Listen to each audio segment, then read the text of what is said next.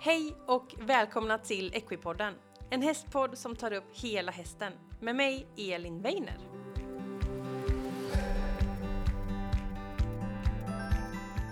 Hej alla fantastiska Equipodden-lyssnare och välkomna till veckans avsnitt.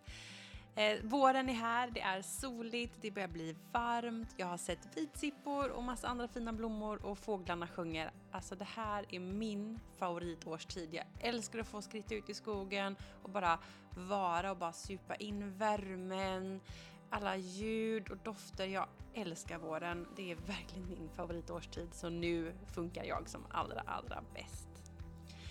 Men vi ska inte prata om det utan vi ska lyssna på ett nytt poddavsnitt och veckans gäst är Nora Kåle. Och Nora hon arbetar med frihetsdressyr, hon arbetar med eh, hästpsykologi och kommunikation och är otroligt duktig på att liksom lära sig och förstå hästen. Hon finns lite söder om Göteborg så jag fick äran att komma hem till henne och göra den här intervjun. Och eh, vi pratar om hennes metoder, vi pratar om liksom att få hästen på samma plats, både fysiskt, mentalt och känslomässigt. Vi pratar om hur man börjar om man vill arbeta hästen mer fritt eller utan träns eller vad man nu önskar. Och eh, vi pratar om det är positivt för alla och, och hur man gör helt enkelt. Vi pratar också en hel del om hästar som har haft olika trauman och hur man kan hantera det på olika sätt och det här är också Nora då helt grym på. Så att ja, ett härligt positivt avsnitt. Jag tyckte det var supermysigt och hon är så duktig och liksom hennes sätt att se och arbeta med hästar, det är verkligen något alla kan lära sig av. Så ja, vi får helt enkelt köra igång veckans avsnitt med Nora Kåle. Så, då sitter jag med Nora Kåle. Hej! Hejsan! Och vi är i Frillesås. Frillesås, precis, hemma på din gård. Stjärnklara gård, fick jag Yes. lära mig. Det stämmer. Och det känns jättekul att vara här. Ja, det är roligt att du är här. Mår du bra? Jag mår bara bra. Härligt! Mm. Lite molnigt idag men ändå vårskönt i luften. Ja, äntligen. Och eh, vi ska göra ett avsnitt här och vi ska prata om eh, hästkommunikation, hästpsykologi, lite frihetsdressyr, Mm. kanske lite klickerträning. Vi får se vart vi hamnar. Ja. Men eh, jag tänkte att du kunde få börja med att berätta om vem du är. Mm, absolut. Ehm, ja, men jag är född och uppvuxen här i Kungsbacka eh, och eh, började som de flesta andra på ridskolan där vid Ja. 5-6 års ålder ungefär. Eh, och jag kommer inte från en hästfamilj men jag har väldigt stöttande föräldrar som alltid har varit med på mina idéer och sådär. så när jag var 11-12 ungefär så eh, skaffade jag min första ponny. Jag hade haft någon hyrponny och sådär men, Mm. Eh, men det här blev då min, min första egna häst som jag köpte halva hästen för egna pengar som jag hade Wow. sparat ihop. Han var, han var inte så dyr men, men det var ändå det var Men en roligt. stor så. grej när man är liten. Ja, men precis. Eh, och i och med att jag inte kommer just från eh, en hästfamilj då så, så var det ju kanske inte riktigt den perfekta hästen för en eh, hyfsat orutinerad ryttare eller sådär då. Så att Mm, mm. han var, eller han är en eh, ganska stor D-ponny med mycket vilja, irländsk import, hade Mm. tävlat i hoppning och, och Mm. nu blivit triangelmärkt. Ehm, och jag hade jättemycket problem med honom. Han kastade av mig flera gånger i veckan. Och Typiskt han, ponny. Ja, men väldigt typiskt ponny. Så han ville inte bli hämtad i hagen och liksom allt det där. Eh, Mm. Och det som jag kände med honom var att det var liksom inte bara att han var busig utan han bar liksom på, på väldigt mycket Just det. frustration. Det var något mer. Ja, men precis. Ehm, och eh, jag var absolut omringad av duktiga hästmänniskor och sådär men i och med att jag inte hade det liksom hemifrån så, så var jag eh, tvungen att tänka ganska mycket själv. Så att jag började liksom, ja, studera honom, studera hästarna, försöka, jag funderade mycket på varför, varför gör han som han gör och varför är han i vissa situationer lugn och, och i andra så är han liksom som att det inte är någon hemma och han kunde nästan som checka ut och liksom Ja, bli helt eh, död i blicken och sådär. Mm. Ehm, så eh, efter något år, kanske något halvår, något år, så eh, var det en stallkompis som introducerade mig för Join Up, eh, alltså Monty Roberts metod. Mm. Det var liksom starten till mer det här, man säger natural horsemanship-vägen eller så. Eh, jag läste också om eh, de sju lekarna, alltså Parellis eh, träningsmetod i någon tidning och liksom började ja, men, prova mig fram och, och experimentera och sådär. Och då fick jag ganska snabbt resultat med Conny som han hette, min ponny. Så att det gick från att jag fick liksom jaga honom i hagen i tre timmar till att jag kunde men, kommunicera med honom på avstånd och sådär. Wow, Så att, ja, där la det liksom grunden till till min, eh, vad ska man säga, min fascination för eh, kommunikation med hästar Mm. helt enkelt. Mm. Ehm, och på den tiden så var det inte jättevanligt med trickträning med hästar. Nej. Men eh, detta är ju nu då, vad kan det vara, 16 år sedan eller något sånt där. Mm. Ehm, Mm. Så att, och det var det ju inte heller lika stort med liksom, sociala medier och, och Nej, sådär. Utan det precis. fanns nå- något forum och sådär man Ja. kunde sitta in och titta Precis, på. är typ tidigt 20-tal liksom. Ja men precis. Ehm, så jag, jag var väldigt intresserad av trickträning. Jag hade hållit på lite med mina kaniner och, och råttor och sådär. Så att jag, var liksom, jag har alltid varit intresserad av att träna djur. Ehm, Mm. Och jag hade aldrig hund när jag var liten utan det var liksom häst som var det första, man säger, lite större djuret. Så. Stora djuret ja. Ja, ehm, och ja, som sagt det var inte så vanligt med trickträning på den tiden så att jag var Mm. tvungen att vara ganska så problemlösande själv. Alltså jag var Mm. tvungen att fundera på hur, ska, hur kan jag förmedla det jag vill till, eh, till min häst och få honom att förstå och Mm. liksom, hur kan jag få honom att jobba själv med kroppen för det är ju, man kan ju inte tvinga ner en häst i, i en bugning till exempel utan eh, precis. det är ju viktigt att man jobbar tillsammans. Mm. Mm. Ehm, så att eh, ja, men på den vägen började liksom det lite mer med att jag, jag var tvungen att tänka själv eller så. Mm. Och sen så när jag var 15 kanske så började jag bli tillfrågad om att ge lite tips och råd och Ja, hålla lite mindre lektioner och sådär. Vilket ledde till att jag då när jag var 18 startade mitt eget företag och har kört, eh, ja, jag har kört på heltid sedan dess. Då. Så det jag har haft mitt eh, företag i 11 år nu. Häftigt! Mm. Gud vilken väg Ja. ändå. Ja. Tur att det kom den där Ja, jag, bimsiga ponnyn då. Precis, jag är skyldig honom allt. Han, Mm. han finns fortfarande, han är, är så? 27 år gammal nu. Han går här ute i hagen och Ja, så pigg och glad fortfarande. ja så. vad härligt. Mm. Han lever pensionärslivet. Ja, Ja. verkligen. Kul! Ja. Så där då när du var 18 startade du företag och det liksom expanderade Ja, till det det är idag då. precis. Och vad Precis. gör du idag? Eh, men idag så jobbar jag då heltid som eh, tränare. Jag utbildar både hästar och människor eh, Mm. tillsammans. Det är ju mycket människoträning eh, det. men det är Mm. såklart viktigt även med förståelsen för hästen. Mm. jag tar emot eh, träningshästar i liten skala eh, här på gården. Jag, jag åker ut och håller kurser i Norden. Mm. Ehm, och kör lite onlineutbildning och sådär. också. Men Mm. framförallt så, så fokuserar jag på eh, det enskilda mötet. Alltså jag trivs allra bäst när det bara är privatlektioner och så. Mm. När man, när man kan dyka ner fullständigt i Ja. hästen och människan som är just här. Kul! så. Mm. Och så har du lite egna hästar? Ja, precis. Vi har eh, fem egna hästar här på gården. Jag har ju Mm. då min, eh, min ponny, Conny. Mm. Och sen så två Lusitanos på sju, åtta, nej åtta och nio är de nu. Mm. Mm. Och eh, sen så har min sambo också en, eh, en PRI-hingst och en shetlandsponny. Och... Man Ja. måste ha en maskot. Ja, ja, det måste finnas en shetlandsponny på varje gård. Ja, precis. Så han går här löst och han promenerar in och ut i hagarna och ger sällskap till alla träningshästar som kommer. Och så. Ja. Så. Det är den perfekta shettislivet. Ja, verkligen. Och han är den perfekta för det här. Så Ja. att, eh, Gud vad bra. ja. Ja, vad spännande. Och vi ska ju dyka in lite i det här då, hur du tränar och eh, hur du är med dina hästar och liksom ditt system kanske Mm. man kan säga. Mm. Så, och det har fått mycket lyssnarfrågor så vi ska försöka väva ihop det här på något bra sätt. Men kan du inte börja lite grann, vad är liksom grunden i din träningsfilosofi? Mm. Eh, alltså jag som person är mer känslostyrd än tankedriven eller så. Eh, så att för min del så det, har det alltid varit känslan och relationen till hästen som har varit det viktigaste. Mm. Eh, och att jag älskar att träna och utvecklas tillsammans med mina hästar men det får aldrig vara liksom på bekostnad utav relationen. Mm. Så att man kan väl säga att i grund och botten så har jag hästar för att jag mår bra utav dem och Mm. därför är det viktigaste för mig att hästarna mår bra med mig. Just Eller så. Mm. Mm. Ehm, så att man kan väl säga att det som en, en, en god relation är liksom nyckeln till all framgång. Ehm, och eh, lite mer konkret, så har jag min, eh, min bas i tryck och eftergift, alltså eh, negativ stärkning. Ehm, jag jobbar också jättemycket med eh, positiv stärkning, alltså godis och, och liksom belöningsbaserat så. Mm. Ehm, Jag har elever som tränar antingen 100% negativ stärkning eller 100% positiv stärkning. Men de allra flesta gör som jag, alltså blandar då. Mm.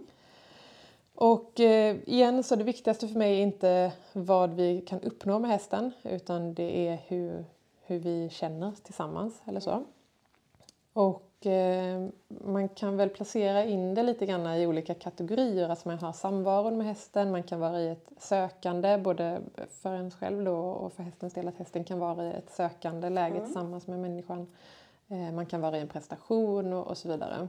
Eh, och för min del så, så är då samvaron grunden. Alltså hur, mm. hur mår jag och hästen tillsammans? Det är det som är det viktigaste för mig. Eh, och då, eh, för att uppnå det så jobbar jag jättemycket med att få hästen att vara på samma plats fysiskt, mentalt och känslomässigt. Eh, och det är någonting som, som jag ser väldigt ofta, eller som jag upplever själv ofta, att, att hästen är liksom separerad kan man säga. Att, att fysiskt så är den på en plats men ja. mentalt eller känslomässigt är den på en annan. Det är ju väldigt vanligt till exempel hästar som inte vill bli lämnade i boxen eller ja, som, som har blivit lastade och vill komma ut mentalt så är de på utsidan av transporten men, men fysiskt så är de fast på insidan. Då.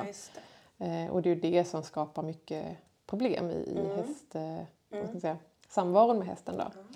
Eh, så det är en jätteviktig del i, i mitt sätt att arbeta med hästen att se till att, vi är, att hästen är i balans i sin egen kropp.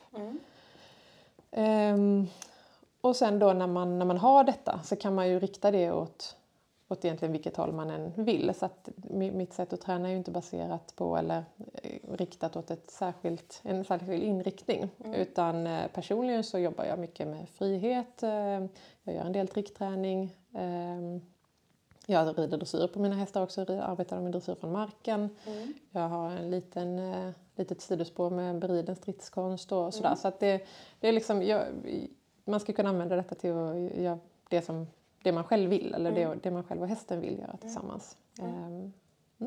Mm. Just det, för det, vi pratade lite innan här och jag tänkte att jag skulle fråga liksom så här, kan alla det här? För tittar man på dina sociala medier till exempel då är det ju mycket utan träns och mm. utan sadel och ibland då som jag har sett riddaroutfit mm. outfit och sådär.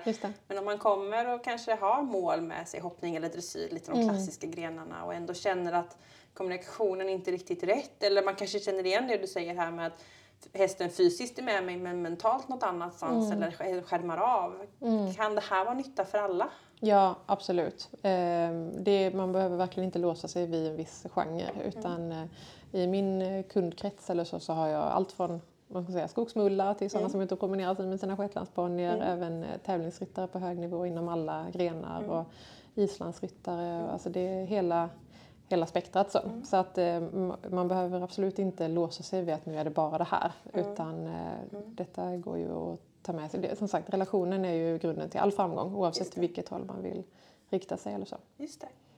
Eh, jätteintressant. Och jag tänkte vi skulle liksom, jag tyckte det här var intressant med att få hästen i balans på samma plats. Mm. För jag, jag fick upp liksom en tydlig bild just det här med att man kan fysiskt vara på ett ställe men mentalt något annat. Mm. Så jag kan både förstå jag får rätta mig om jag har fel här, men både det här kanske att hästen får lite panik till mm. exempel om den blir lämnad ensam i stallet eller transporten som du sa. Mm. Men kanske också det här att den stänger av. Mm. Att den inte, ja, men man kan se ibland att hästen inte svarar eller lyssnar eller ja. det spelar ingen roll vad man gör. Häst, liksom, det är liksom, som du berättade med din ponny, lite tomt i blicken. Sådär. Mm. Hur, hur jobbar man för att identifiera att hästen är på olika platser? Eller hur kan man mm. göra för att få ihop den? Ja men just det. Eh, och det är ju väldigt individuellt hur, mm. hästen, hur hästen uppvisar liksom att den är så att säga separerad. Så mm. att eh, hästar som är mer åt det kanske extroverta hållet kommer ju vara liksom livligare mm. i det och, då, och de, de, pratar ju ofta tydligare språk medan mm. hästar som är kanske lite mer introverta eller som har har, har lärt sig själva att bli introverta, alltså med inlärd hjälplöshet och sådär. Mm. Där kan det vara svårare att se, är mm. detta en lugn häst mm. eller är det en avstängd häst? Um, så att det, det viktigaste tänker jag är ju att, att kunna läsa av hästar och så förstå hästars kroppsspråk och, och se och vara ärlig framförallt med sig själv att jag kanske tycker det vi gör just nu är jätteroligt mm. och det är lätt kanske att uppfattar det som att hästen tycker det. Men mm. är det verkligen så om jag mm. verkligen rannsakar mig själv att är hästen uppspelt och liksom ivrig eller är hästen egentligen i, på väg in i panik? Mm, eh, att vara ärlig med det där. Mm. Eh, och det är absolut inte så att det är eh, alltså vissa, vissa saker som alltid är obehagliga för hästen men för vissa hästar är det mm. kanske det området som är mm. obehagligt eller så. Ehm, så att det, det är ju liksom det första att kunna läsa av just hur Eh, alltså hur mår min häst just nu? Hur känner hästen? Mm. Eh, en sån enkel sak bara som att sträcka fram handen med handflatan neråt, alltså så att man inte, hästen inte tror att den ska få en godis, mm. men att man, man presenterar handen och ser, får jag en respons? Mm. Alltså söker sig hästen till mig eller är det liksom som att hästen inte noterar att jag är där? Eh, och även om det är så att de tar kontakt så kan ju det vara på ett väldigt liksom spänt och uppspelt sätt? Ja, Lite det. som att rädda mig eller, Ja. eller är det som att eh, hej, här är jag och, Mm. och där är du? Ja, vad händer här? Ja, men precis. Ehm, Så att eh, alltså, ta in så mycket information som möjligt från hästen. Mm. Eh, och sen så hur man då kan göra för att, för att få hästen på samma plats, det är ju igen då väldigt individuellt. Och, och vissa hästar kan ju behöva mer som att, alltså att man kanske är lite skarpare Mm. med att hjälpa hästen att komma tillbaka. Om man tänker lite som en, en person som har hamnat i chock kan man Ja, ibland behöva liksom rycka tag i lite. Ja. lite. Ja, Eh, och det kan ju man ju behöva med hästen också i, i vissa lägen. För andra hästar så är det helt fel sätt att det. göra. Alltså. Så det är ju, där får man ju kolla av vad för typ av häst man har. Mm. Eh, för andra hästar så handlar det jättemycket om att liksom avlägsna både sig själv och hästen från situationen. Alltså har man till exempel en häst då som, som har separationsångest till exempel som eh, känner att den är fast i stallet eller så. Då kanske det inte är så att man bara ska börja med att stänga in hästen i stallet och, och sen vänta på att den ska lugna sig. För att hästar kan liksom inte lära sig i när de är i överlevnadsläge eller så. Det kan ju nästan ingen, Nej. när, när hjärnan går igång på de här Ja men precis. basala sakerna. Precis, då är det ju bara varningsklockor. Mm, Eh, Så att då får man ju liksom backa bandet och se var, eh, var uppstår den här stressen hos hästen. Eller Mm. Just så. Eh, och som sagt, det behöver inte alltid vara att, det, att hästen talar tydligt utan det kan vara att den blir mer och mer distanserad. Mm. Men där är det ju en bra grej, till exempel som så att sträcka fram handen och checka av, är Mm. hästen fortfarande med? Och det kan man göra många gånger under ett träningspass. Mm. Att, att se, har vi gjort någonting nu som har fått hästen mer liksom, att söka sig ut ur, ur paddocken eller ut Mm. ur stallet eller sådär mentalt då. Eh, eller är vi fortfarande här tillsammans? Det var ett bra tips Mm. att testa på. Eh, vi ska gå in lite mer på det här men jag tänker att kan inte du berätta om man kommer till dig och är helt grön. Ja. Eh, man har aldrig träffat dig innan utan man kommer med sin häst och vill börja. Mm. Var börjar man någonstans? Det är ju en väldigt individuellt då. ja. Eh, Men jag kan säga så här att om man, kommer, om man lämnar sin häst i träning hos mig då börjar jag alltid löst med Mm. hästen. Och det är då för att jag vill på, på avstånd kunna men få in så mycket information som möjligt från hästen. Mm. Eh, Så att jag, eh, jag börjar ju då som sagt med att släppa hästen i paddocken till exempel eh, och bara ställer mig i mitten och observerar. Jag försöker, Mm. få in, så mycket? Mm. ja, försöker få in så mycket information som möjligt från hästen. Eh, så att jag ser, är det här en häst som liksom mentalt söker sig ut härifrån? Försöker hästen hitta, hitta utvägar? Det finns ju de hästarna som springer och, och till ut nästan som att de ska hoppa över staketet. Mm. eh, Eller är det en häst som är väldigt på mig? Mm. Eh, eller går den nu och är helt obrydd och hittar bästa platsen och rullar sig? Eller liksom, vad är det för en typ av Mm. individ, eh, hästarna? Eh, och samtidigt som som jag observerar hästen så kan jag också vara helt säker på att hästen gör detsamma med mig. Så att Mm. även om det inte är så att hästen kanske går och tittar på mig så, så det är så de fungerar. Att de läser, utav, läser av de som finns i sin omgivning. Mm. Så att eh, hästen får en chans att lite lära känna mig och jag får en chans att lära känna hästen utan att vi egentligen behöver interagera. För hästar kan ju vara på ett sätt i, tillsammans med människor och det är ju någonting vi har lärt dem från, Precis. från det att vi började träna dem. Men jag vill lite mer se hur är hästen när den bara är en häst. Liksom. Ehm, Så att det är det första steget, att bara liksom få, få den informationen om hästen. Eh, Och detta gör jag såklart även om jag kommer ut till ett stall och ska ha en lektion med någon. Att, att börja bara med att eh, skapa en uppfattning om vad är det för en typ av häst. Eh, och sen så beroende återigen då på var hästen är men i de allra flesta fall så det man får börja med sen det är att hästen måste lära sig att lära sig. Så att säga. Och jag måste lära mig hur, hur lär jag ut till den här hästen. Eh, och där är det ju ett sätt mellan mig och hästen. Det är troligtvis på ett annat sätt mellan hästen och sin ägare. Och ett annat sätt för hästen, eller för ägaren och en annan häst. Alltså så Ja, det är ju den, den unika konstellationen som, eh, som styr liksom hur eh, kommunikationen och relationen eh, kommer att se ut. Ehm, och det tycker jag då är väldigt bra att göra på, på avstånd med hästen och se kan jag börja förmedla ett budskap och hur svarar hästen på om jag rör mig, om jag ber den om att göra saker och sådär. Eh, och att det är ett ganska så trevligt sätt att göra det utan att hästen samtidigt sitter fast i mig. Kan jag tycka. Utan att de, eh, de får liksom vara eh, ja, men lösa och, och ha möjlighet att komma undan om de tycker det är obehagligt. Eller, eh, och på samma sätt att de har möjlighet att, det, det blir liksom en ärlig eh, kommunikation när de väljer att komma till mig och sådär. Så att det handlar inte om att jag liksom kör runt dem i en rundkorall eller så utan bara att jag försöker ja, men kommunicera lite grann med hästen på avstånd och se hur den eh, svarar på det. Ehm, och sen därifrån får man då se, ska vi koppla på en lina och börja mer med eh, träning på liksom, närmare håll så? Eller ska vi fortsätta med, med lösträningen? Ehm, så det här är ju då mm, liksom grunden i bara att skapa en kommunikation med Mm. hästen. Sen kan det ju vara att jag kommer ut och att det är en pro- problemlösning eller att eh, det bara är en vanlig liksom, ridlektion eller, eller sådär. Men, eh, men som sagt, grunden är ju alltid kommunikationen och relationen. Eh, och då kan jag tycka att det är ett bra sätt att börja just Mm. med lös. Sen är det inte alltid man har möjlighet till att släppa hästen i, Nej, i paddock eller ridhöjd eller sådär. Men, eh, men bara det här med att gå in med inställningen att vad talar hästen om för mig? Mm. Istället för att ha suttit i bilen på väg till stallet och liksom idag ska vi träna det här och det här och det här. Ja, och ha gjort upp en plan så Mm. att man möter hästen där vart hästen är Mm. just nu. Eller så. Det känns viktigt. Mm. Just det.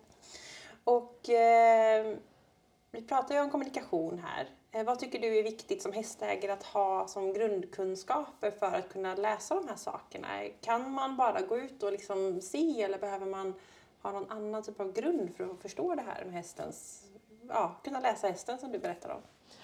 Um, alltså mycket, kan man ju, mycket information kan man ju få bara genom att observera hästar, absolut. Eh, men samtidigt är det ju att vi, när vi eh, ska säga, är hästtränare, eh, och det är man ju även om man inte arbetar precis. professionellt med det, ehm, då gör man ju sig själv som tolk till hästen. Så Mm. att det är ju ingen egentligen som kan säga helt säkert att man vet vad hästen säger eller så. Mm. Eh, Men, men jag tycker det bästa är att observera hästen, titta på hur ser hästen ut i näsborrarna till exempel. Är den mjuk i sin andning eller är det spända näsborrar? Eh, Hur är det när en annan häst kommer i närheten av hästen? Är det, hur är det när jag kommer i närheten av hästen? Hur är det när jag kommer med sadeln? Eller, eller sådär. Eh, Titta på ögonen. Är, är hästen eh, disträ i sin blick eller är den väldigt vaken eller väldigt spänd? Eh, ibland kan det nästan bli lite som så pain eyes eller pain face Precis. i blicken. Man kan titta på hur hästen rör sina öron. Är de liksom mjuka i sitt eh, rörelsemönster eller det mekaniskt att hästen klipper med öronen? Eh, det kan ge mycket information om hur hästen känner, om, om det är en spänning som ligger bakom eller om hästen är liksom i balans. Mm. Och bara liksom det generella kroppsspråket. Ehm, Svettningar är ett jättebra exempel också om hästen svettas på ska säga, lite konstiga platser, alltså typ runt ögonen och, och sådär. Eh, Det är ju inte riktigt kopplat till rörelse utan det är ju Just mer då en, en, eh, en eh, vad ska man säga, mental aktivering snarare än en fysisk aktivering som leder till det. Ja, ja. Eh, Så att, att man, man tittar på, på helhet, helheten utav hästens då, kroppsspråk och det den förmedlar. Och framförallt att se hur det förändrar sig. Just så att om man vet att så här brukar min häst se ut när den är lugn och trygg. Mm. Vad är det första som ändrar sig när den inte längre är det? Eh, och att man inte väntar till att hästen liksom står och typ stressbajsar eller står och skrapar i stallgången eller Mm. slänger med huvudet eller så. Utan vad är de första små tecknen på att någonting förändrar sig? Just det. Där kan man få väldigt mycket information och det är mycket lättare att hantera det som dyker upp i ett tidigt skede. Mm. Just det. Och hur kan man hantera det då? Med till exempel, ett vanligt exempel kanske kan vara lastning då. Mm. Att eh, när jag tar på eh, skydden så kommer den där Mm, bajsen. just det. Då kanske tecknen har kommit tidigare. Ja, men precis. Och, precis. och det är ju jätteviktigt om man, om man jobbar med hästar till exempel som har eh, men trauman och sådär. Eh, det är ju jättemånga hästar som upplever trauman kring just transporten. Mm. Eh, betydligt fler än vad man kanske tror. För att hästar är ju så otroligt välvilliga. De gör ju allting vi ber om Ja. egentligen. Det är ju Ja. de där, egentligen ett ganska litet fåtal som faktiskt protesterar. Mm. Eh, det går ju liksom att övertyga dem om det mesta. Men, Mm. Så att det, det första man får se är ju när, eh, när var, var börjar traumat så att säga? Alltså var ligger den där tröskeln? Mm. Eh, och för en del hästar kanske det är att de står i hagen och ser att vi kopplar på transporten. Mm. Eh, och för andra så, så kan det vara när man, eh, när man ja, men går in i transporten eller när man stänger luckan eller sådär. Så att där får man ju identifiera just när börjar förändringen i hästens uttryck? Mm. Eh, och då gäller det att stanna till där. Mm. Så att om det är till exempel att när man tar på transportskydden att då, då ser man att hästens andning blir påverkad. Då gäller det att stanna till vid det läget och liksom neutralisera den punkten. Mm. För att går man vidare framåt mot transporten så som sagt, de, de gör det säkert. De, de går ofta med på det ändå. Mm. Eh, men den här stressen och, och så blir ju bara större och större. Mm. Och som jag sa tidigare där, att en häst som är i överlevnadsläge kan inte lära sig någonting. Så då, Mm. är det liksom, då har man kommit förbi den punkten där vi kan träna på det. Mm. Då handlar det bara om, om en överlevnad för hästen. Mm. Så att, att stanna till där vart problemet kommer, neutralisera den punkten och att få hästen att förstå att jag är inte ute efter någonting här just nu. Vi ska bara liksom landa i de här känslorna. Mm. Ehm, och sen att liksom gradvis kunna flytta den punkten längre och längre Mm. fram då, att, så att man bygger upp en tillit till hästen att vi ber aldrig om mer än vad hästen är kapabel Just att klara av. Mm. Mm. Ehm, så att det, ja men att, att ehm, som sagt börja precis där vart de allra Mm. minsta tecknen börjar visa sig eller så. Just det. Så lära sig observera hästen i grundtillstånd och se nu sker det en förändring. Då kan det vara tecken på till exempel stress. Mm. Och om jag börjar se förändringen då vill jag försöka neutralisera som du säger. Hur Ja. gör jag det?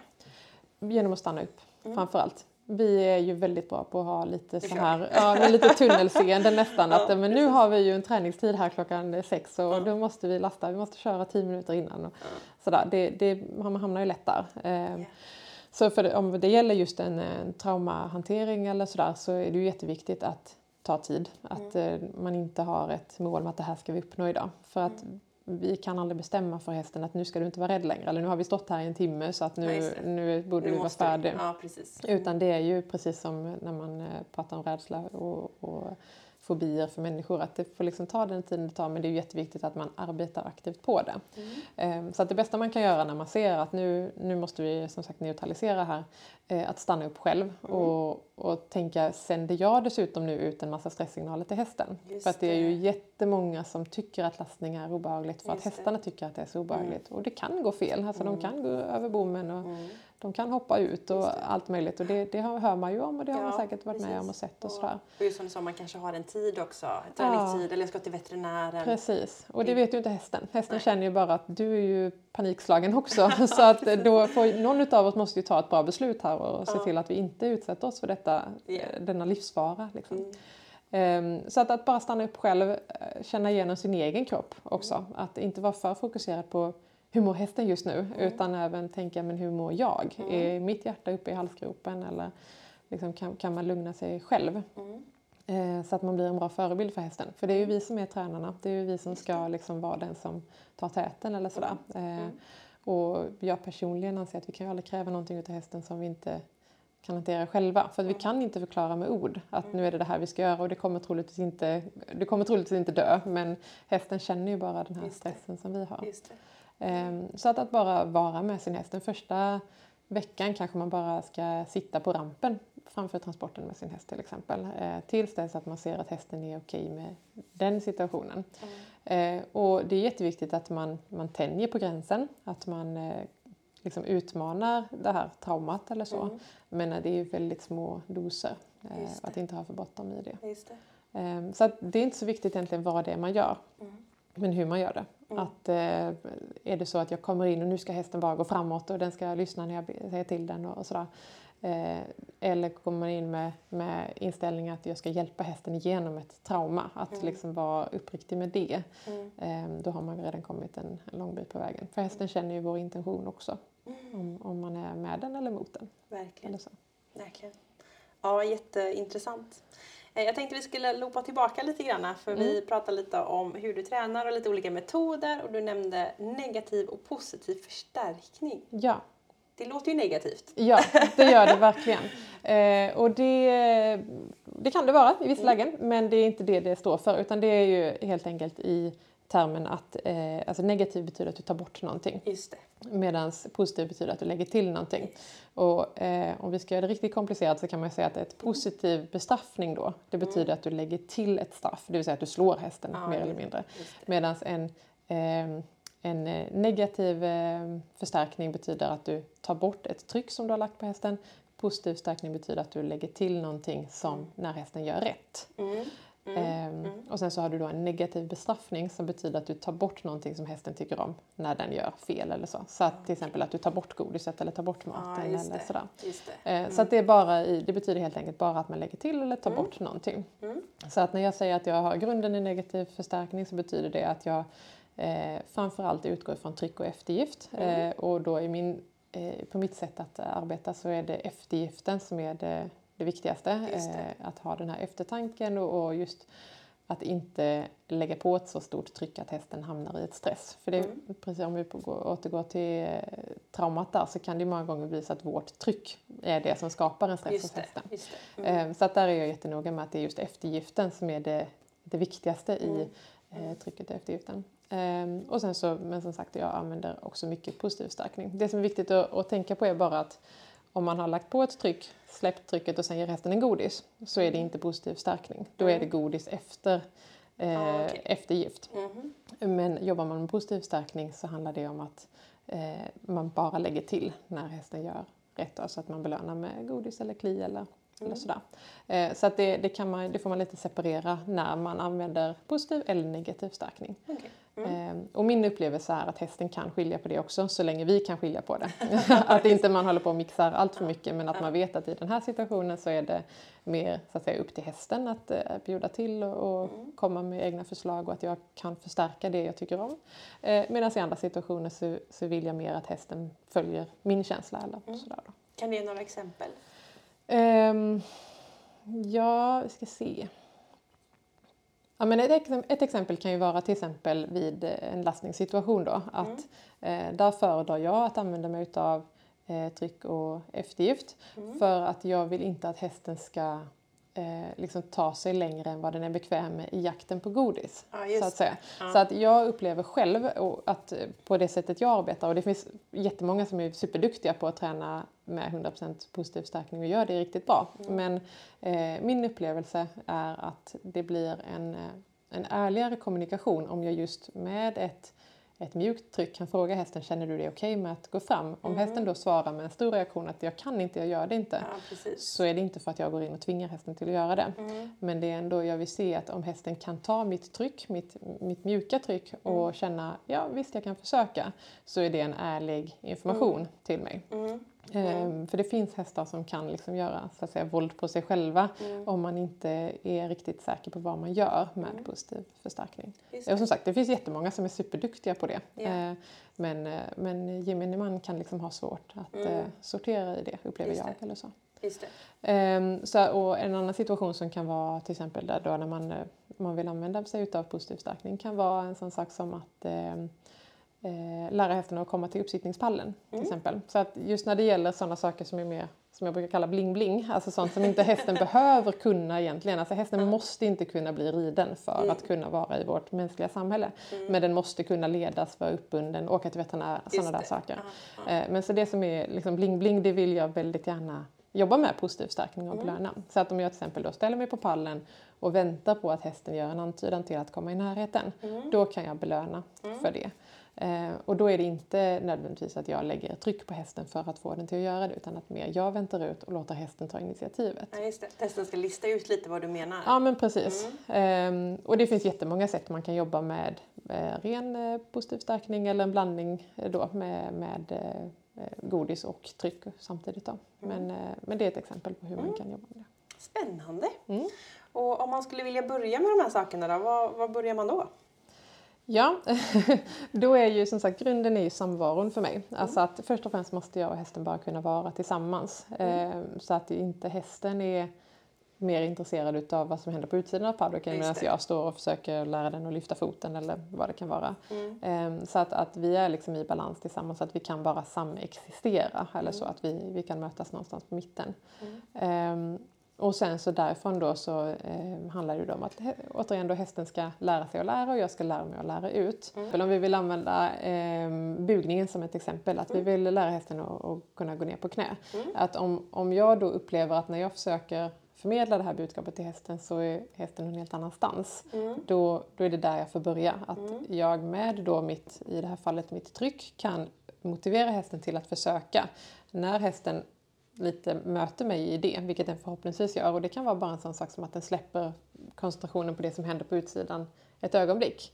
Så är det eftergiften och eftertanken som, ehm, som lär hästen vad det är jag vill med det trycket. Så att det handlar inte om prestationen hästen gör, eh, utan om vilken känsla jag kan få. Då. Ehm, Så det är liksom steget, att jag får en häst som är mottaglig för information. Att när jag ber den om att göra någonting så svarar hästen med Yes, hur ska jag, hur ska jag göra? Ja, Liksom. det. Istället för att den är, ja, men precis, istället för att den är någon annanstans. Ehm, och sen så därifrån så får jag bygga på mer och mer till att, eh, eh, ja, men till att jag kan be hästen om att till exempel då gå längre ner med, i riktning mot en bugning eller så. Men, eh, men det får aldrig bli på, liksom, det, det, är inte så svårt att få en häst att, att, gå ner på knä om man vet vad man ska göra.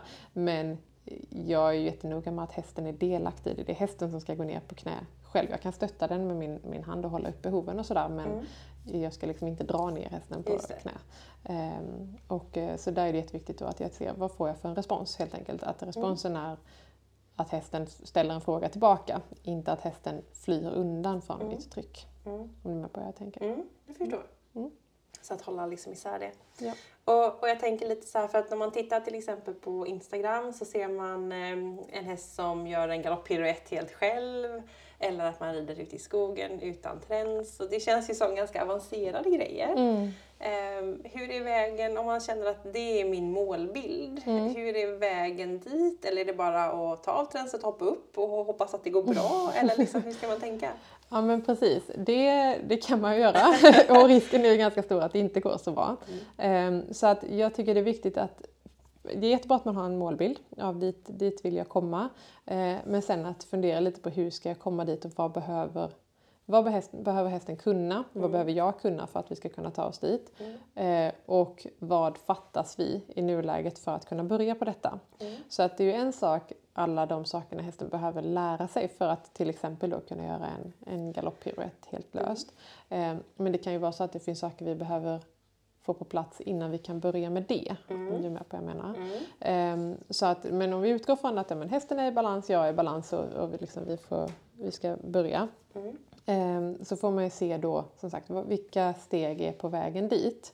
Uh, och personligen då om, uh, om mitt mål är att jag vill kunna arbeta i frihet, jag kanske har en häst där det inte är möjligt att göra det just nu eller att det står på ett ställe där jag inte kan släppa hästen och sådär. Uh, så ju mer man kan tänka när man har utrustning på sin häst hur beroende är jag utav det? Mm. Eh, för det är väldigt lätt att får man någonting i händerna så är ja. man där och pillar och håller ja. och grejer och sådär. Eh, men att försöka vara ärlig med sig själv att är det så att jag eh, tar lite grann i grimskraften för att hästen ska gå med eller kan jag ha en helt slak lina och kalla på hästen med rösten eller med kroppsspråket mm. eller sådär. Mm. Eh, så att vi lär oss att eh, liksom arbeta tillsammans utan den här begränsningen utav eh, utrustningen. Då. Mm. Eh, och där kan man ju till exempel eh, testa att ha hästen i halsring kanske, alltså ha från marken att man har en halsring och ett rep mm. till, till linan eller till halsringen. Eh, bara för att se, är det så att jag plötsligt behöver börja dra en massa, ja men då kanske kommunikationen inte riktigt satt på plats med linan till grimman då. Mm, mm. Ehm, och, och, se att de, de signaler jag ger hästen, är det som sagt så att hästen flyr ifrån signalerna? Och det kan vara en sån enkel sak som att om jag ber hästen att flytta bakdelen till exempel, att korsa sina bakben och göra som en framledsvändning. Mm. Om jag ber om två steg, får jag fem steg extra på köpet, mm. ja, men då kan det vara ett tecken på att hästen lite flyr ifrån mm. signalen. Kastar sig nästan bort. Ja, men precis. Långsamt då. Precis. Ehm, och, och då är det någonting som man behöver jobba på, att just hästen följer den där känslan istället. Så att eh, när jag ger eftergiften, när jag släpper trycket, så är det viktigt att hästen genast liksom söker sig tillbaka till mig eh, mm. mentalt och, och, så. Då. Mm. Um, så att inte hästen står kvar och liksom är, i, eh, är kvar i trycket, eller man ska säga, utan att eftergiften verkligen får en, en mental eftergift hos hästen också. Mm. mm. Eh, så det är en jätteviktig sak just när det gäller frihetsträning, att, eh, att man ser att man har den där ehm, nästan lite gummibandskänslan till hästen. Att, mm. att eh, flyttar jag mig så flyttar hästen sig och stannar stannar jag så stannar hästen. Då. Um, och sen så, ja, som sagt för att komma till en, en galopppiruett som exempel då. Mm. Uh, så, att, så är det ju bra att kanske inte ge sig på, alltså att inte ha för bråttom fram. Mm. Utan att se, kan vi bemästra övningen i skritt först? Kan vi göra kanske ett kvarts varv? Um, och att se när hästen försöker som mest. Eh, och vara noga med att belöna det. Mm. För det är lätt att man blir girig och, ja, liksom, och lite, till, lite till och sådär och, ja, och så ja. får hästen en negativ association istället och känner att man är aldrig nöjd. Mm. Um, men att se när hästen försöker som mest och inte vara låst vid vad gör hästens kropp? Mm. Utan var är hästen mentalt? Så att mm. även om den kanske trasslar in benen eller hamnade i fel galopp eller sådär men att önskan var att Just göra rätt snarare mm. än att alla ben är på rätt plats men att den mentalt är stressad eller inte är på mm. plats eller sådär. Mm. Så där är det alltid viktigare upplever jag att fokusera på var är hästen mentalt i detta. Just det. Och om vi är fria med hästen, så att du står på marken och ska jobba med de här sakerna och du har ingen uh, utrustning. Mm. Hur jobbar du då med eftergift och uh, tryck? Mm. Eh, så eftergiftet är ju, eller eftergiften är ju mer en en känsla kan man säga. Så att eh, alla hästar söker efter eftergift. Det är liksom det som är grunden i deras, eh, deras kommunikation. Att, och eftergift är helt enkelt när man är inte under spänning. Just det, Ehm, avslappnat, ja, neutral. Mm. Men precis, så att om de är i flocken och, och eh, en häst lägger i baken örat när den andra hästen då har flyttat sig Mm. och örat åker fram igen, ja men då är eftergiften, då är flocken i balans igen. Mm. Spänningen är borta. Ja men precis. Mhm. Ehm, så det är ju jätteviktigt just att eftergiften är en, det är någonting som händer på insidan. Mm. Ehm, så att om jag hela tiden är kvar i, ja men nu gjorde, vi, nu gjorde vi rätt, nu gör vi det en gång till. Då kommer vi aldrig till eftergiften. Mm. Ehm, utan att jag har en intention, jag har en vision av vad jag vill att hästen ska göra. Mm. Och när jag ser att hästen gör det, eh, eller hästen tänker göra det, så är det helt enkelt att jag andas ut och att jag Mm. mentalt lite säger tack kan man säga. Att det var det jag menade, nu behöver du inte göra mer. Mm. Ehm, och igen då att inte vänta kanske för länge utan vill jag ha två steg, att hästen flyttar bakdelen till exempel, Mm. så kommer eftergiften innan hästen har flyttat den första foten. Eh, så att jag behöver inte ha tryck på hästen för att kunna be den att göra någonting. Om eftergiften kommer först när den har tagit de här två stegen så har hästen också varit under tryck i de två stegen. Eh, och det, det sätter sig liksom i allting vi gör framöver att hästen, hästen är under den där lilla, lilla pressen.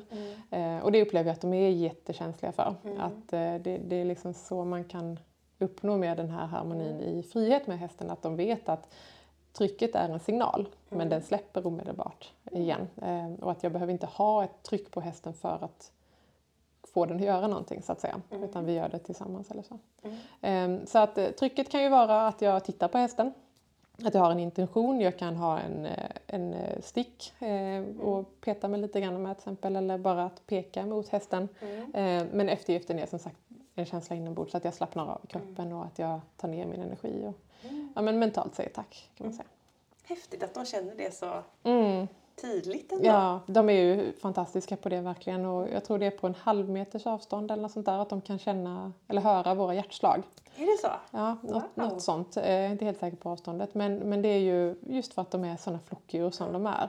Eh, Och då kan man ju tänka själv att om man står där och ska göra någonting eller eh, ska prestera med sin häst att de vet ju precis när vi går upp i spänning också. Eh, Så att, att kunna träna sig själv till att ta ner liksom hjärtrytmen och andas ut. Och de, de märker otroligt mycket. Vi kan ju inte ljuga för dem. Det, det går inte. Ni kan inte lura dem. Tror. Ty, tyvärr inte. tråkigt, tråkigt. Ja. Ja, jätteintressant verkligen. Eh, har du några andra metoder du arbetar med när du tränar hästarna? Mm, vad tänker du med eh, metoder? Jag tänker vi, alltså positiv och negativ förstärkning, Mm. att få samvaro. Är det något annat sånt du använder? Ehm, nej, utan det är nog det liksom, Mm. som, är, som är grunden. För sen finns det ju jättemycket liksom, eh, övningar och metoder man kan lägga in så. Det. Men, men eh, det är nog lite svårt. Det är, liksom, det är din grund Ja. och så använder du dem på olika sätt i olika Ja. övningar. Precis, och beroende på som sagt vilken individ jag har. Mm. Eh, Både konstellationen mellan hästen och dess människa men även hästen som sådan. Och, Mm. Ehm, jag, kanske, jag märker ju ofta på människan om det är en, en väldigt ex- extrovert eller introvert person. och Om, om människan har trauman kanske som inte hästen har men som Just det. påverkar hästen. Och, Mm. och sådär. Eh, Så att det är ju hela tiden liksom det här ekipaget eh, i sig som, som sätter, eh, sätter hur vi ska arbeta. Då. Precis. Precis. Eh, och det här känns ju... Man kanske tycker det här verkar jätteintressant och jättespännande och känner att det här vill jag göra mer av. Eh, och man kanske får den här målbilden att jag ska göra fritt och sådär. Kan man börja själv eller är det bra att ta hjälp? Nej, man kan absolut börja själv. Eh, det, så, så länge det handlar om... Eh, om, om, man, om man går in med lite liknande inställning av det vi har pratat om här så, så är det svårt att det går fel. Alltså det, då ska man verkligen eh, strula till det ordentligt. Eh, om, man, om man inte utgår från att idag ska jag gå ut och göra galopppiruetter med min häst. Men om man tänker att det första steget kanske är att jag kan gå tillsammans med min häst utan att jag har tryck i linan eller att min häst kan stå och beta och att jag kan kalla på den eh, utan att behöva dra i grimman och, och sådär. Att det är väldigt, väldigt små saker man kan börja med. Eh, och även om man inte har som mål att kanske kunna arbeta med hästen i frihet så, så lovar jag att hästen uppskattar att man utgår från mer att vi kommunicerar eh, hjärna till hjärna så att säga istället för hand till grimma eller hand till tygel eller, eller sådär. Eh, utan mer vilken intention har jag, hur, vilken respons får jag från hästen och vad gör vi tillsammans när responsen kommer. Mm. Eller så. Och såklart åt andra hållet också, vad är det hästen talar om för mig just, Just nu? Alltså vad är det hästen säger när den står och slänger huvudet i stallgången eller Mm. att den biter i eh, uppbindningskedjorna eller, eller sådär. Vad är det hästen försöker förmedla? Mm. Eh, för att alla beteenden har ju liksom en, det kommer ju av en anledning. Ja, Allting har en, en orsak. Ehm, Så att, nej, man kan absolut börja, man behöver inte ta, ta hjälp. Sen kan det ju vara om man har ett specifikt problem, att Mm. det kan eh, vara skönt att ha någon som står och ser exakt vad som händer Just när det. det händer. Så få lite stöd i kommunikationen. Ja, Mm. precis. Men det är absolut inget fara, ingen fara med att bara Mm. gå ut och börja. Och det kan man ju även ute i hagen, bara gå ut och se, kan jag, kan jag locka hästen till att komma till mig med, med sättet jag rör mig, med vilken position jag tar och Mm. sådär. Istället för att jag går fram och sätter grimskaftet i grimman eller så. Ah, spännande. Mm. Och om man nu lyssnar på det här, oavsett vad man är för ryttare, om man är som sagt någon som tycker om att musa i skogen eller någon som tävlar, vad finns det för vinster att få in lite mer sånt här tänk och arbete i sin vardag med hästen? Ja, men att man blir ett team med sin häst helt enkelt. Alltså att man har den här goda kommunikationen, relationen med hästen så att man arbetar mot ett gemensamt mål. Mm. Ehm, och det, är ju, det har blivit jättemycket bättre men det finns ju fortfarande lite det här hästen får aldrig vinna och Mm. vill hästen gå till höger så måste vi gå åt vänster och, och sådär. Ehm, så att får man mer en, en kommunikation där vi tillsammans ska vinna istället för att jag ska vinna över hästen eller att Mm. hästen inte får vinna över mig Ja. Ehm, så når man ju liksom framgång på ett annat sätt upplever jag. Att, eh, att hästen strävar lika mycket som vi gör. För då har man ju 600 kilo som jobbar i samma riktning istället för... Ja, men det gör jättestor skillnad. Ehm, så att det, det finns eh, fördelar i, i all hantering. Och som sagt, det handlar inte om att man måste ut och flumma på en ridbana eller så, utan eh, det, det, det är ju vardagskommunikation och hantering så, som är det viktigaste egentligen. Alltså hur, hur hästen mår tillsammans med mig och hur jag mår tillsammans med hästen oavsett vad vi gör tillsammans. Mm. De små sakerna Mm. som gör det bättre i vardagen. Ja, men precis. Ja, jätteintressant. Ehm, vi har fått in en hel del lyssnarfrågor till det här och vi har ju vävt ihop ganska mycket här. Mm. Eh, Men det är två stycken frågor som jag tänkte ta lite mer specifikt och då var det det här med hur hanterar man en häst varit med om ett trauma och det har vi pratat en del om. Mm. Men är det något mer du skulle vilja liksom fylla på med oavsett vad det är för trauma? Man kanske köper en häst eller tar över en häst som Mm. har varit med om någonting. Man vet att den har varit kanske slagen eller har svårt att bli lämnad. Eller att man inte vet att den bara uttrycker vissa Mm. panik i vissa situationer. Liksom, har du något mer vi kan lägga till kring hur man ska hantera en häst som agerar liksom, ur ett sånt här panik-trauma-situation? Mm. Ehm, nej men det viktigaste är ju att försöka som sagt se när började. Mm. Eh, och är det så att man har en häst som kanske är under trauma hela tiden eh, då kan det ju vara svårt att liksom eh, närma sig. Ja, men precis. Eh, och där får man ju se då, alltså, eh, kanske är det så att man får lite gå över gränsen i början för att kunna komma någon vart. Alltså, jag fick hem en häst här, en av mina Lusitanos från eh, Portugal som Mm. vi eh, hittade honom under väldigt tråkiga omständigheter. Eh, och hade han fått bestämma så hade vi bara släppt honom på ett fält och inte liksom gjort någonting mer med honom. Och då hade han gått där fortfarande och haft eh, den här enorma liksom, traumat kring sig. Eh, så att i hans fall så fick det ju bli lite att jag liksom jag tog mig över hans gräns så att säga. Men det är ju ett jättestort ansvar i det. Att jag kunde inte gå in och bestämma att du är inte rädd för att jag lyfter dina ben eller du är inte rädd för att jag tar dig i huvudet. Eller, Mm. alltså, det är inte jag som bestämmer vad är för svårt för hästen. Eh, men att jag ser vad är minsta möjliga jag kan göra. Så bara en sån sak som att kan jag, kan jag få lov att vara inne i boxen hos dig utan att du springer över mig? Alltså kan du vara på din ände av boxen kan jag vara, Mm. vara på din. Ehm, och det är ju, kan man ju ha med sig oavsett vilket trauma det är då att kan vi på något sätt mötas någonstans i mitten så att vi kan börja ha en dialog om det. Mm. Att inte hästen är uppe bland molnen och att jag är fokuserad på att nu ska vi alltså lösa det här. Mm. Utan jag kanske behöver sänka mina förväntningar men kanske är det också nödvändigt och hjälpsamt för hästen att jag lite försöker ta den ner på jorden igen då, med mjuka och milda medel såklart. Men, eh, men inte heller vara liksom, inte vara rädd för traumat Så att säga. Alltså det, är, det är ju lätt att man hamnar i ett undvikande beteende. Ja, precis. Jag rider inte på den vägen för min häst är alltid rädd för soptunnan. Ja, ja typ men så. precis. Eh, Och då kanske man kan säga kanske kan jag släppa fram en soptunna hemma istället för att jag behöver möta just den soptunnan. Mm. Så att man inte behöver stå i en situation där det samtidigt också kan komma bilar eller Mm. harar ur buskarna eller liksom där man inte har kontroll över situationen. Mm. Utan att se hur kan jag sätta upp en, en trygg miljö där vi kan arbeta med det här traumat utan störningar utifrån. Ehm, Så att det inte blir en överbelastning för hästens, eh, på hästens liksom instinkter eller sådär. Just det. Och kanske om det är ett väldigt trauma som du berättade om, om din häst där, då kanske det är bra att ta hjälp så att Absolut. Ja. det, man får en bra bas och Ja. grund i Ja, det. absolut. absolut. Vi tar en lyssnarfråga till. Ja. Och eh, då är det en lyssnare som skriver så här. Vad är det mest frustrerande och utmanande med att vara tränare? Ja. Är det hästen eller människan? ja, men precis. Det är aldrig hästen, kan jag säga. Utan det som kan vara svårt kan ju vara om eh, att liksom komma ut till någon som kanske inte själv hade tänkt sig att ha lektion. Utan det kanske är en familjemedlem eller stallkamrat eller sådär som har dragit med en och sagt men nu ska du, nu." det här blir bra så. Eh, och att man på något sätt ska försöka övertyga någon som redan har bestämt sig om någonting.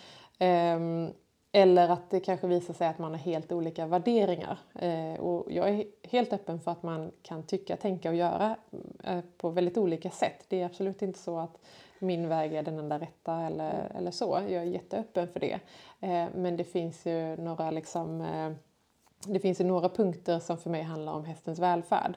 Och tänker man helt olika där så kan ju det vara väldigt svårt att, liksom, eh, Mötas. att mötas i det. Eh, och så är det ju så att det är hästägaren som betalar för träningen. Men jag känner ju också att jag har en skyldighet gentemot hästen att eh, liksom stå upp för, för de värderingarna som jag tror på. Eh, och, och det handlar som sagt inte om om man ska ha bett eller inte, det är inte på den nivån. Men, men att det kan finnas vissa saker där jag kanske upplever att det här är ett övergrepp mot hästen. Eh, Medan hästägaren är, är liksom låst vid att nu är det det här vi ska göra. Det. Och det kan vara svårt att, eh, att liksom mötas i, i det. Mm. Brukar det hända? Eller har du varit med om det? Jag har varit med om det absolut, men det är inte så ofta. Och det händer ju jättemycket i forskning och, och liksom med den informationen som finns. Att, Ja. eh, att mm, de allra flesta är ju medvetna om att vi vet inte allting. Mig inkluderad, absolut. Det kommer ny information hela tiden och det gäller det att vara öppen för. Eh, men absolut har det hänt att man, jag har stått och, och tänkt att det, vi kommer ingen vart här. Eh, utan det, det är slöseri med både tid och pengar. Eller så. Nej, men man får komma ihåg lite, vi växte ju upp, eller vi som hade häst lite samtidigt där, man började där tidigt 20-tal. Och då var det en ganska hård skola generellt sett. Ja. Visst har det hänt mycket. Men eh, där är det också olika syn och forskningen går framåt. Vi, vi vet idag att fixera huvudet är inte så bra för kroppen. Och där, men det är svårt att liksom möta, speciellt Ja. när man kommer och träffar en kund. Ja, absolut. Liksom våga säga vad man själv tycker och tänker. Och, Precis. Och det kan ju vara att, att jag kommer ut för att göra en specifik sak. Alltså, kunden kanske säger att jag vill lära min häst att buga för att vi ska kunna göra det på prisutdelningen till exempel. Medan jag ser att vi, vi är inte ens i närheten av att kunna göra det på ett sätt som för mig är etiskt eh, liksom försvarbart. Eh, och, och då att liksom behöva börja i en helt annan ände. Och som sagt, det handlar inte om att man, man måste göra hela mitt, mitt träningsprogram, absolut Mm. inte. Eh, men att det kanske är eh, svårt för mig att hjälpa till på ett sätt som känns eh, liksom, man rimligt. kan eller inte hoppa över början och hoppa in i mitten. Liksom. Nej, Utan precis. Man behöver ändå följa lite grann tank. Ja, och, precis. Och, och i de allra flesta fall så kommer jag ju ut till hästar och människor som har en god relation. Och då kan man ju såklart börja, börja där vart de är. eller Så. Men, eh, men ibland så, så får man ju backa bandet lite grann. Så människan är svårast. Ja, absolut. Det är det. Ja, men vi är ju... Eh, vi rör ju på oss mycket jämfört med hästarna Mm. och vi är ju väldigt olika varelser. Så att, att hitta samhörighet där kan ju inte såklart vara svårt. Ja men verkligen och det är ju lätt man blir påverkad av stallkompisar och det man läser på Facebook och ser videos och, och det där vill jag också kunna göra med min häst och kanske inte ha vara riktigt öppen för att det är inte den typen av häst jag har eller min häst har andra önskemål än jag och, och sådär. Eh, och där, där ser ju jag det som att det är vi som har valt det här. Hästen är ju bara en häst. Mm. Eh, Men det är vi som vill packa in dem i olika genrer och säga att det här är en hopphäst eller det här är en töltmaskin eller, eller sådär. Och hästen vet ju bara att den är en häst och att den är ute efter harmoni. Liksom. Ja, jätteintressant. Ja, tiden eh, rullar iväg. Mm. Eh, grymt spännande avsnitt. Jätte, jag har skrivit massa saker här. Det är alltid kul att lära sig. Ja. Om man tyckte det här var intressant, eh, hur gör man för att komma i kontakt med dig eller följa dig? Mm. Eh, eh, man kan söka på mitt namn, eh, Nora Kåle, på eh, både Facebook och Instagram. Mm. Eh, vi har även en hemsida, man kan eh, både skriva in norakole.se eller Equiastra som Mm. är min och min sambos gemensamma eh, företag. Mm. Eh, men ja, vi, finns på både Facebook, Instagram, hemsida, mail. Sådär. Just det. Och då kan man kontakta där om man vill. Ja, Kurs eller träning och sådär. Ja, absolut. Ja, ja men fantastiskt. Då säger jag tack så mycket för att du vill vara med i Equipodden. Tack för att jag fick vara med.